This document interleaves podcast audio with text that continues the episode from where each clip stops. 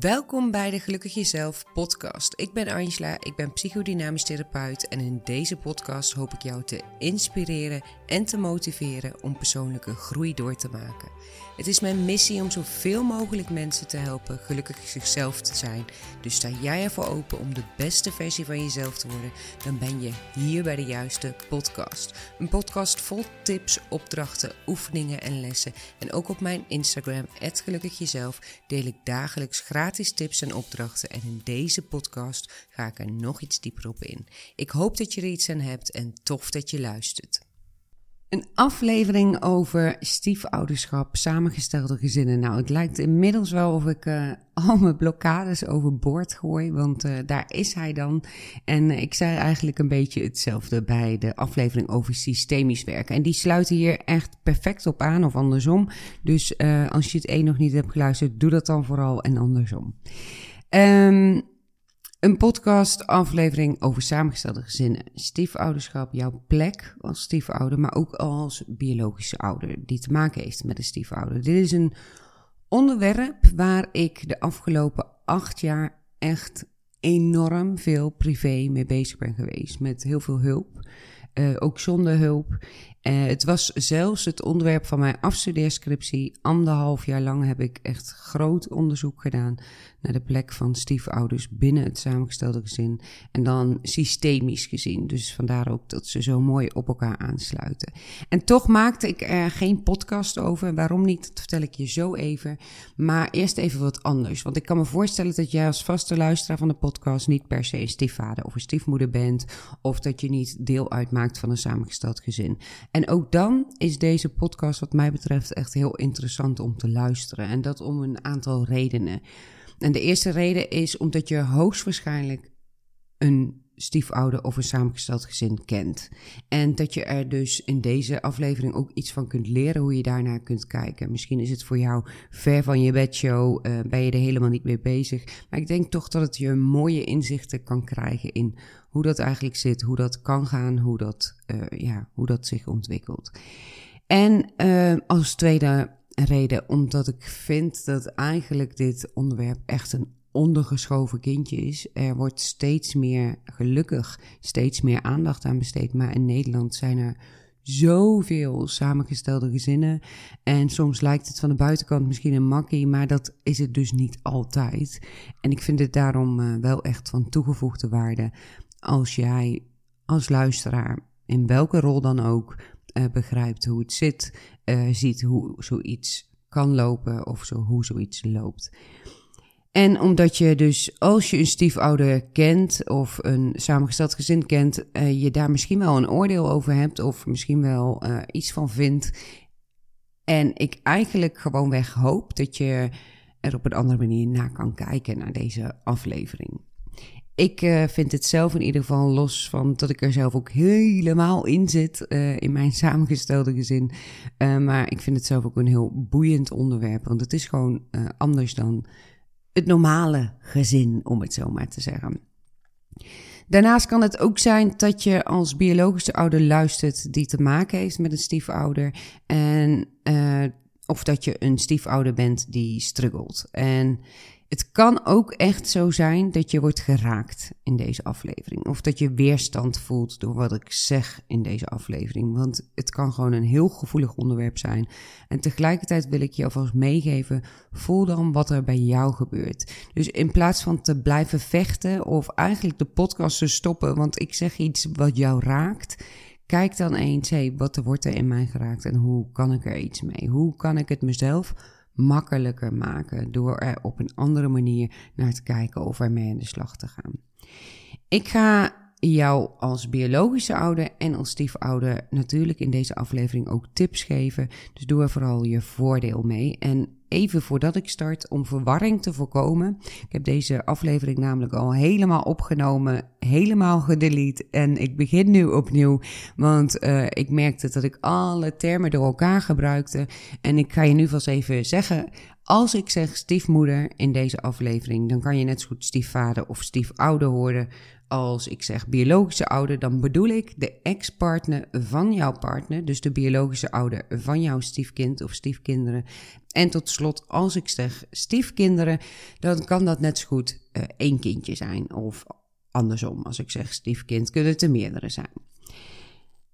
Nou, ik zei het al, een ondergeschoven kindje. Uh, en eigenlijk, uh, ja, maak ik zelf dus van dit onderwerp ook een ondergeschoven kindje. Want ik gaf er eigenlijk niet zoveel aandacht aan. Ik maakte er geen podcast over. Ik deel er eigenlijk niet tot nauwelijks iets over op Instagram. Terwijl dit een onderwerp is wat 24-7 in mijn leven is. En dat is precies ook een van de belangrijkste redenen waarom ik er geen aflevering van maakte. Want zoals je in veel afleveringen misschien wel hoort, geef ik vaak voorbeelden van mezelf. En dat is ook vaak wat een stukje herkenning eh, geeft uh, bij jou als luisteraar. Maar bij dit onderwerp is dat nogal een fragiel, kwetsbaar stukje. En niet omdat ik dingen niet met jou wil delen, uh, want uh, met alle liefde, want ik denk dat ik heel veel dingen kan delen die voor heel veel herkenning zorgen en die je kunnen helpen. Maar ik heb ook natuurlijk te maken met iedereen in mijn samengestelde gezin en het hele systeem en de biologische ouders van mijn stiefkinderen. Um, dus ik ga het toch doen op een voor mij gepaste manier, uh, omdat ik denk ook vooral als jij stiefouder bent, maar ook als jij biologische ouder bent, en ik ben beide, uh, dat je er iets aan hebt. Ik wil allereerst even starten met een brief, zo direct, die ik heb geschreven tijdens mijn uh, afstudeeronderzoek. Uh, voor mijn afstudeeronderzoek heb ik onderzocht wat systemisch gezien de kern van de problematiek is voor stiefmoeders. Dus hè, uh, luister weer goed, dit kan ook stiefvaders zijn, stiefouders, maar systemisch gezien uh, heb ik gekeken naar de kern van de problematiek. En na dit grote onderzoek heb ik een eigen sessie ontwikkeld. En ik vind het echt een super mooie sessie. En die heeft ook al heel veel stiefouders geholpen. Ook biologische ouders uh, heb ik deze sessie mee gedaan. Heeft het ook enorm bij geholpen. Maar helaas, voordat ik allemaal um, ja, mensen blij maakt met een dode mus. Helaas heb ik uh, gewoon tot op heden geen plek in mijn praktijk om die sessie aan te bieden. Dus ik ben erover na denken hoe ik dit op een andere manier kan aanbieden. Want ik denk dat het heel helpend is om inzichtelijk te krijgen wat jouw plek is als stiefouder en wat jouw plek is als biologische ouder. En um, nou ja, goed, even terug naar de brief. De brief heb ik dus geschreven als ouder en als stiefouder om deze sessie die ik heb ontwikkeld onder de aandacht te brengen. Dat wat ik dus nog niet heb gedaan, zoals ik net heb verteld. Maar ik ga jou nu toch vast deze brief voorlezen, omdat ik al denk dat deze je een mooi inzicht uh, kan geven. Of je nu stiefouder bent, of je nu biologische ouder bent, of je hebt te maken met een stiefouder, of dat je gewoon luistert omdat je het interessant vindt. Um, voordat ik uh, de brief ga voorlezen, is het goed om te weten dat ik zowel dus stiefouder ben als biologische ouder. Dus ik heb te maken met een uh, stiefmoeder van mijn oudste zoon. En ik heb te maken met de biologische moeder van mijn stiefzoons. Dus met die ervaring heb ik ook de brief geschreven en daarbij ook meenemend alles wat er uit het onderzoek kwam. Nou, daar komt ie. Lieve biologische ouder, hier een brief vanuit het hart van een stiefmoeder. Gewoonweg omdat ik je wil laten weten hoe het voor ons stiefouders kan zijn om voor jouw kinderen te zorgen. Want ook al lijkt het voor jou misschien iets heel simpels of vanzelfsprekends, dat is het niet altijd. Ik doe heel hard mijn best om het goed te doen voor jouw kinderen. Elke dag opnieuw doe ik alles voor jouw kinderen wat ik ook voor mijn eigen kinderen zou doen. Er is alleen één groot verschil. Die onvoorwaardelijke liefde die jij krijgt, die krijg ik niet. Als ik ze op kom halen, dan zijn ze niet even blij dan wanneer jij ze op komt halen. Ze missen mij niet evenveel als jou, als, ik, als ze mij een paar dagen niet zien. En bij het weggaan word ik soms voor een simpele kus of gedag zeggen vergeten. Ook help ik ze steeds weer met hun huiswerk. Ik regel hun tractaties, ik breng en ik haal ze van en naar school of naar de dokter of naar de tandarts of wat dan ook. Maar als er een 10 minuten gesprek is, een toneelstukje of een diploma-uitreiking, dan mag ik er vaak niet bij zijn. En ik besef me ook dat dit nooit kan en zal veranderen. En dat is oké. Ik weet mijn plek. Ik zie mijn plek. Zie jij mijn plek ook? Ik kan me voorstellen dat je mij misschien soms liever ziet gaan dan komen. Misschien wilde je wel helemaal nooit dat ik in jouw leven was gekomen. Misschien voel je nog wel boosheid of verdriet over het uit elkaar gaan met jouw ex-partner. Ondanks dat alles wil ik dat je weet dat ik alles doe wat ik kan voor jouw kinderen. En daarmee dus ook voor jou. Ik geef ze zoveel als ik kan. En kinderen hoeven daarvoor niets terug te geven. De balans in geven en nemen die zo belangrijk is tussen twee mensen, die is tussen ons. En ik hoop dat je vanaf nu misschien anders naar mij kunt kijken. En dat je weet dat ik heel goed weet dat jouw kind maar één vader en één moeder heeft. En dat je weet dat ik nooit jouw plek in wil nemen of het beter wil doen, maar gewoon mijn best doe. En dat je weet dat alles wat ik voor jouw kind doe, eigenlijk een soort cadeautje is voor jou. En ik hoop dat je me echt ziet. Want ik doe maar mijn best. Ik wil geen competitie voeren. Ik wil jouw kinderen niet afpakken. Ik wil niet op de eerste plek komen voor jouw kinderen. Want dat is jouw plek. Dus wees niet boos als ik me er een keertje wel mee bemoei. Wees niet jaloers als ik iets leuks heb gedaan met jouw kinderen. Wees niet geïrriteerd als ik iets niet heb geregeld. Geef geen kritiek als ik niet de juiste schoenen heb gekocht. Ik doe mijn best en het zou zo fijn zijn als je met een klein beetje waardering en begrip naar mij kunt kijken. Liefs een stiefmoeder. PS, ik besef me dat het niet overal hetzelfde is. Maar de essentie is, lieve biologische ouder, dat wij stiefouders ons best doen en dat we het fijn vinden dat jij dat ziet. Nou, het is mijn eigen brief, uh, persoonlijk en vanuit het onderzoek. Maar ik word er ook echt elke keer wel weer door geraakt. En dat komt door hoe ik ben gestart als stiefmoeder. Dat was pittig, ontzettend pittig. Het was eigenlijk aan alle kanten zo ongeveer uh, zo dat ik niet gewenst was. Ik was niet welkom. En dat was op vele manieren duidelijk. En dat werd ook op vele manieren via allerlei wegen duidelijk gemaakt. Maar ik was, en nog steeds trouwens, verliefd. En ik kreeg deze situatie erbij. Ik kreeg ook twee stiefzoontjes erbij, ineens. En met deze situatie ben ik 9,9 van de 10 keer inmiddels heel blij. Maar dat heeft er dus ook echt wel anders uitgezien. De eerste jaren hebben voor mij gevoeld als stofhappen en hard, keihard werken. En het is dus ook niet voor niets dat 60%, ruim 60% van de samengestelde gezinnen weer strand. Hoe triest eigenlijk. Want vaak komt dit niet eens door de liefde tussen de twee mensen, maar door de hele situatie eromheen. En dat kan van alles zijn. Een ex, dus de biologische ouder, die veel invloed heeft in de relatie. Schoonfamilie, uh, verschillen in opvoeding en ga zo maar door. En ik kom straks nog even terug op de problemen die me uit mijn onderzoek kwamen. En ik geef jou daarin ook nog uh, tips. Maar het allereerste wat ik aan jou mee wil geven. Zowel aan jou als biologische ouder als als stiefouder. Ga er van ten alle tijden vanuit dat mensen nooit iets met kwade intenties doen. Alles wat iemand doet is met een positieve intentie voor zichzelf. En dat over het algemeen is dit zo. Dus als jij luistert als niet-biologische ouder of als niet-stiefouder, mag je dit ook meenemen natuurlijk. Maar over het algemeen is dit zo. Maar ook in samengestelde gezinnen. Dus als jij als stiefouder het gevoel hebt dat je niet geaccepteerd wordt, probeer eens met een andere, milde blik naar te kijken. Heb jij het gevoel dat je niet geaccepteerd wordt door de biologische ouder? Kijk eens naar die biologische ouder. Misschien heeft die biologische ouder wel heel veel onverwerkt pijn, verdriet, jaloezie, waardoor hij of zij niet op een andere manier kan reageren op jou.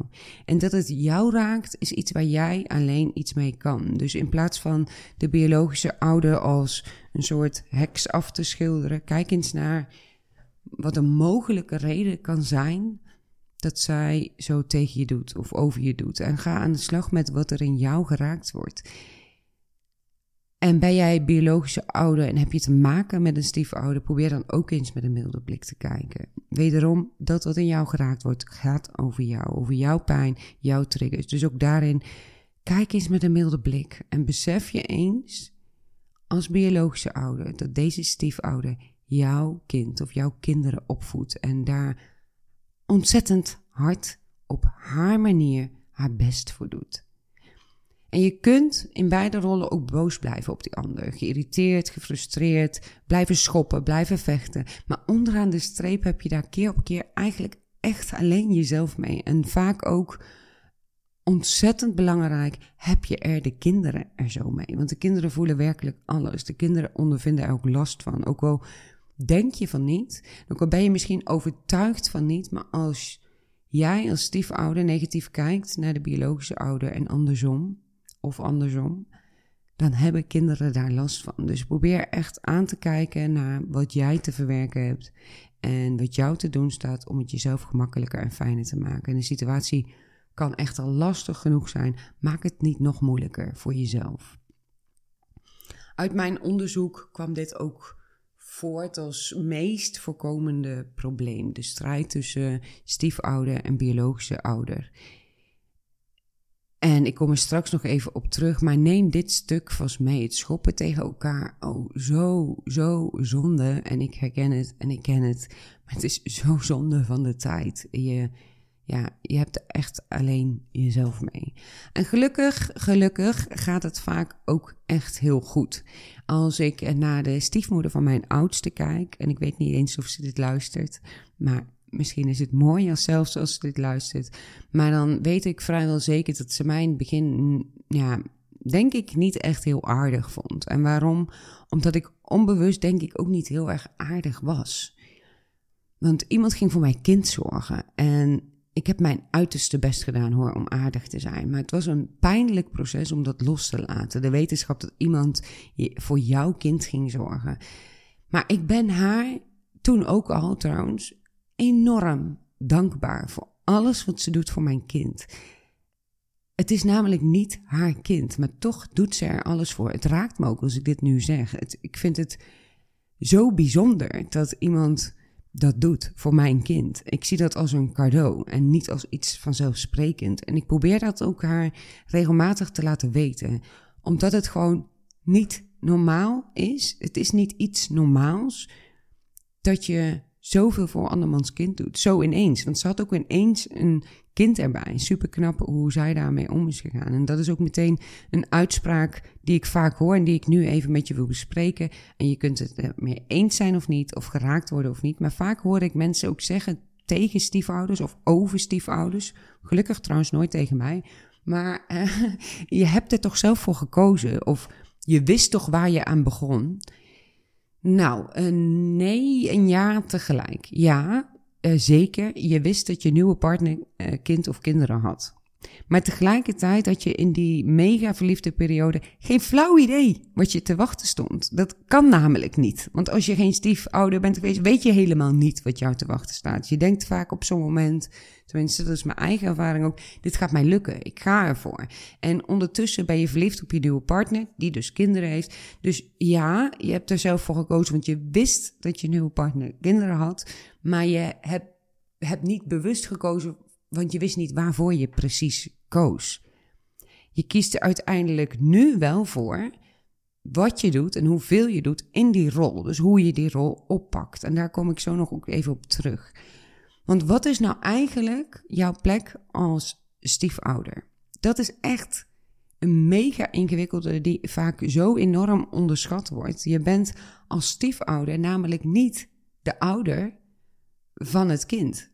En toch wordt er aan alle kanten vaak veel verwacht van je. En misschien wordt het niet uitgesproken, maar 9 van de 10 keer wordt het eigenlijk stilzwijgend vanuit je partner of je omgeving of je partnersomgeving of misschien wel de biologische ouder verwacht dat je dingen oppakt omdat jullie samen zijn en verwacht je het misschien ook wel van jezelf dat je het gewoon doet. Maar wat is nou eigenlijk het probleem?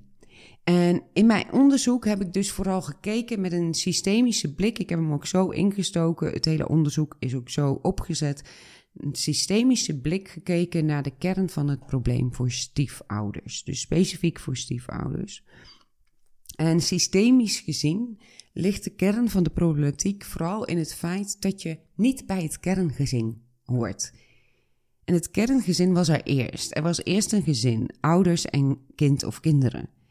En dat, die ouders gingen uit elkaar. Maar die kern, dat kerngezin is er eigenlijk nog steeds. Is nog steeds een systeem. Al zijn de ouders uit elkaar. Ze blijven voor altijd ouders.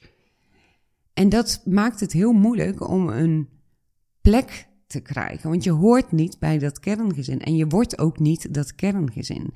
De biologische ouder krijgt vaak van de stiefouder geen plek binnen het samengestelde gezin. En de stiefouder krijgt vaak geen plek van de biologische ouder binnen het systeem. Dus dat is super lastig, want je blijft als stiefouder vaak aan het zoeken naar een plek. Als biologisch ouder heb je een plek. Want je hebt een plek. Jij bent de moeder van het kind of de vader van het kind en je bent samen ouders. Maar als stiefouder ben je eigenlijk vaak aan het zoeken naar jouw plek. Steeds weer opnieuw.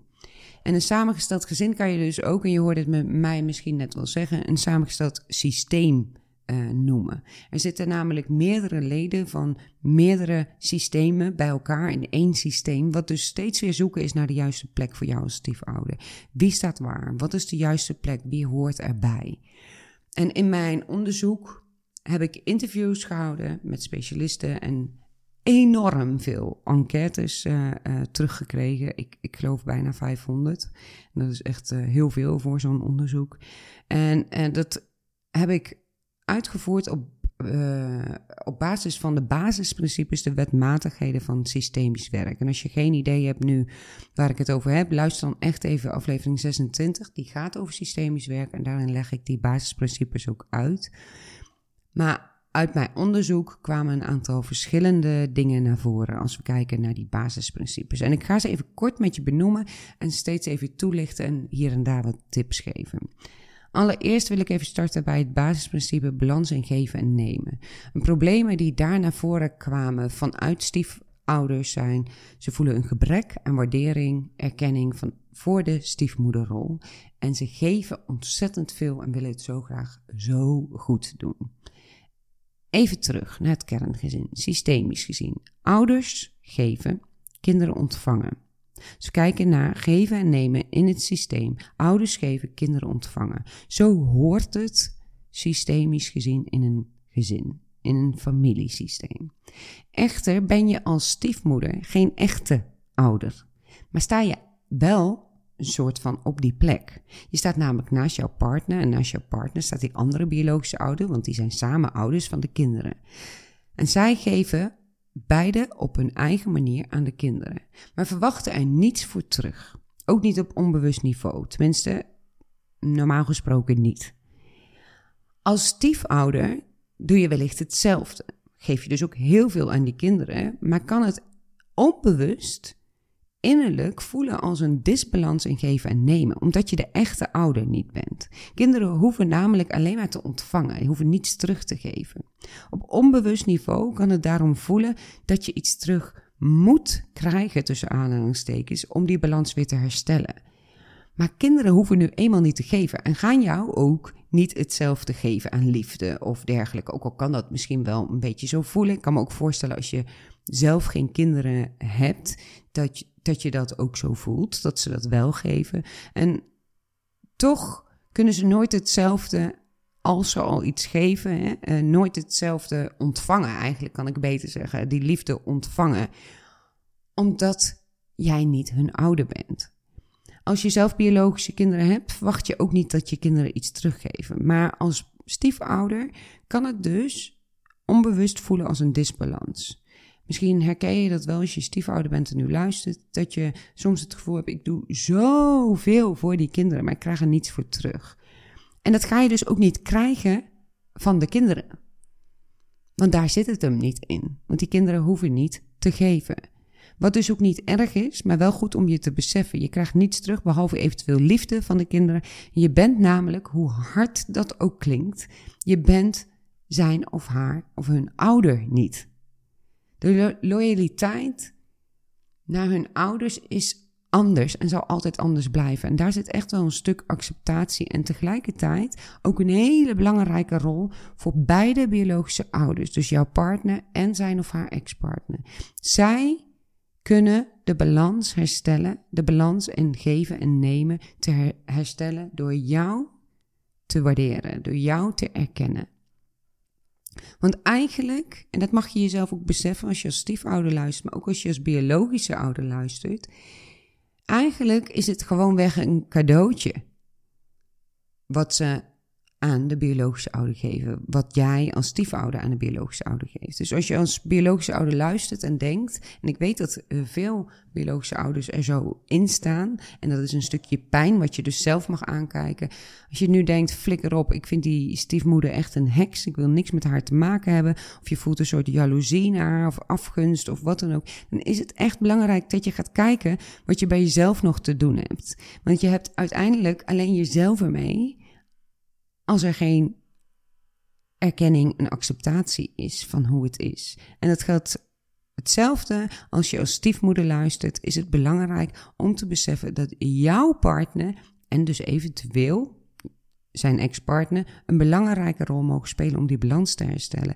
Jouw partner, en laat hem dit gerust luisteren, jouw partner mag dus ook beseffen dat wat jij doet als stiefouder een cadeautje is. En wees hiervoor in voor jezelf niet te bescheiden. Want ik hoor dan wel zeggen, ja, maar dat doe je toch gewoon. Tuurlijk doe je dat gewoon. Nou, hartstikke mooi, maar het is niet vanzelfsprekend wat je doet. Ook al doe je dat misschien heel erg graag en met heel veel liefde, dat siert je, maar tegelijkertijd is het niet iets vanzelfsprekend als stiefouder.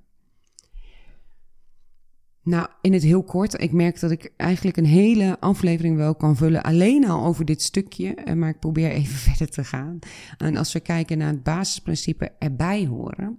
En dan kwamen in mijn onderzoek de volgende dingen naar voren als problemen voor stiefmoeders. En het ging vooral om iedereen een plek geven. Er is kwam naar voren dat er vaak een strijd is met de biologische ouder, met de ex-partner. Dus zelfs in de vorm van concurrentiegevoel. En de ex-partner geeft vaak de stiefmoeder geen plek. En de stiefmoeder geeft vaak de ex-partner geen plek. En dit is eigenlijk super zonde. Um, maar tegelijkertijd ook wel begrijpelijk. Want de biologische ouder kan wel nooit hebben gewild dat jij er bent als stiefouder.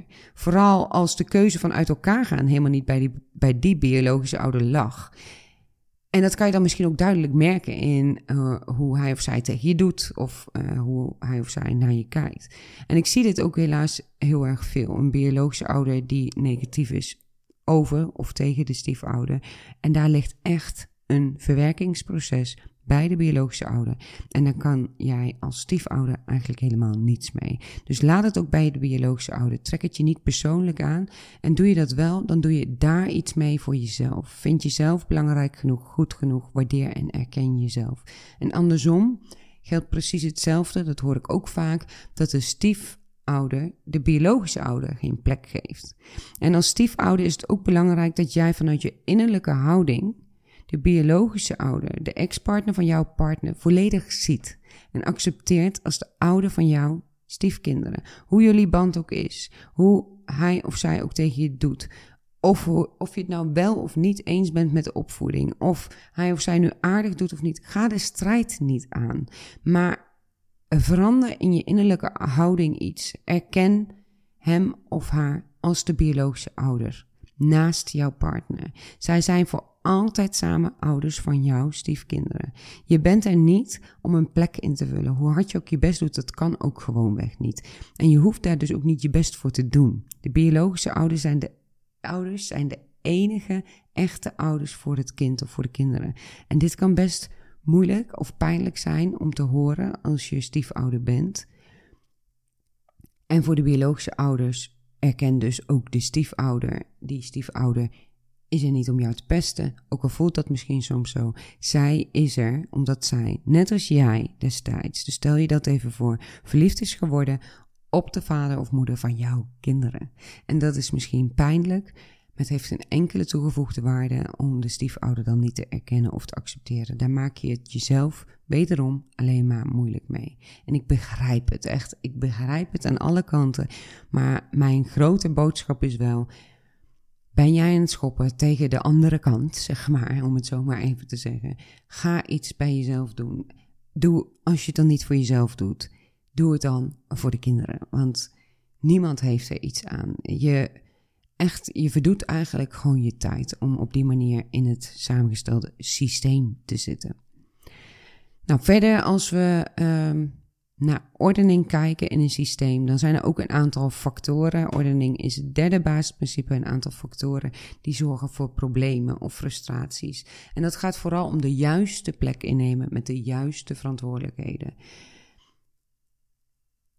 Als je stiefouder bent, is het zo lastig, kan het zo lastig zijn. Ik weet dat het ook bij heel veel goed gaat. Hè? Ehm, maar het kan zo lastig zijn om de juiste plek in te nemen met de juiste taken en de juiste verantwoordelijkheden. Je bent niet verantwoordelijk voor de kinderen.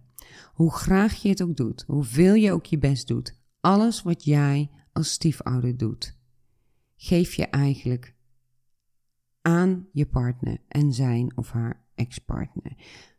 Het is iets wat je geeft als een cadeau. En ik heb het nou al tien keer gezegd, maar het is niet jouw verantwoordelijkheid om voor de kinderen te zorgen. Laat die verantwoordelijkheid wat meer bij de ouders van het kind of van de kinderen. Zij hebben de verantwoordelijkheid voor hun kinderen, niet jij. En als je op die manier kunt kijken, kun je het vaak wat meer laten gaan. Als jij kan kijken naar dat wat jij doet als een soort extraatje, als geen verplichting, kan je het misschien ook wel veel meer met veel meer plezier doen. Kan je ook dingen misschien wel wat meer loslaten. Ook belangrijk om te beseffen qua ordening, het kerngezin was er eerst. Erken dat. Daar maak je als stiefouder geen deel van uit. Dat is het kerngezin. En dat is ook iets wat je mag respecteren en accepteren. Want als je dat niet kan, maak je jezelf moeilijk. Je kunt niet het kerngezin vormen met je stiefkinderen. Probeer dat ook niet. Ga niet als stiefouder non-stop strijden om dat wel voor elkaar te krijgen. Het is namelijk niet het kerngezin en het zal het ook niet worden. In het boek uh, De mijnen zijn het liefste en ik zal straks nog even wat boekentips geven. Maar in dat boek gaan ze daar ook zo mooi op in. Het is namelijk een stuk rouwen dat je niet een kerngezin wordt. Je wordt geen kerngezin. En voor mij was dat echt zo'n moeilijk stuk. Het begon eigenlijk al met mijn scheiding. Vond ik dat heel moeilijk. Ik zal nooit meer dat gezin alleen maar zijn. Dat eerste gezin, dat kerngezin. En het beeld wat ik vroeger had van een gezin stichten viel dus ook volledig weg. En ook toen ik een samengesteld gezin kreeg, wilde ik zo, eigenlijk zo graag dat gezin vormen. Dat echte gezin. En dat betekent niet dat wij nu als samengesteld gezin het niet fijn hebben. Maar het is en blijft anders dan een kerngezin. Het wordt nooit een kerngezin. En dat is oké. Het heeft voor mij best wel mm, wat moeite gekost om dat te accepteren.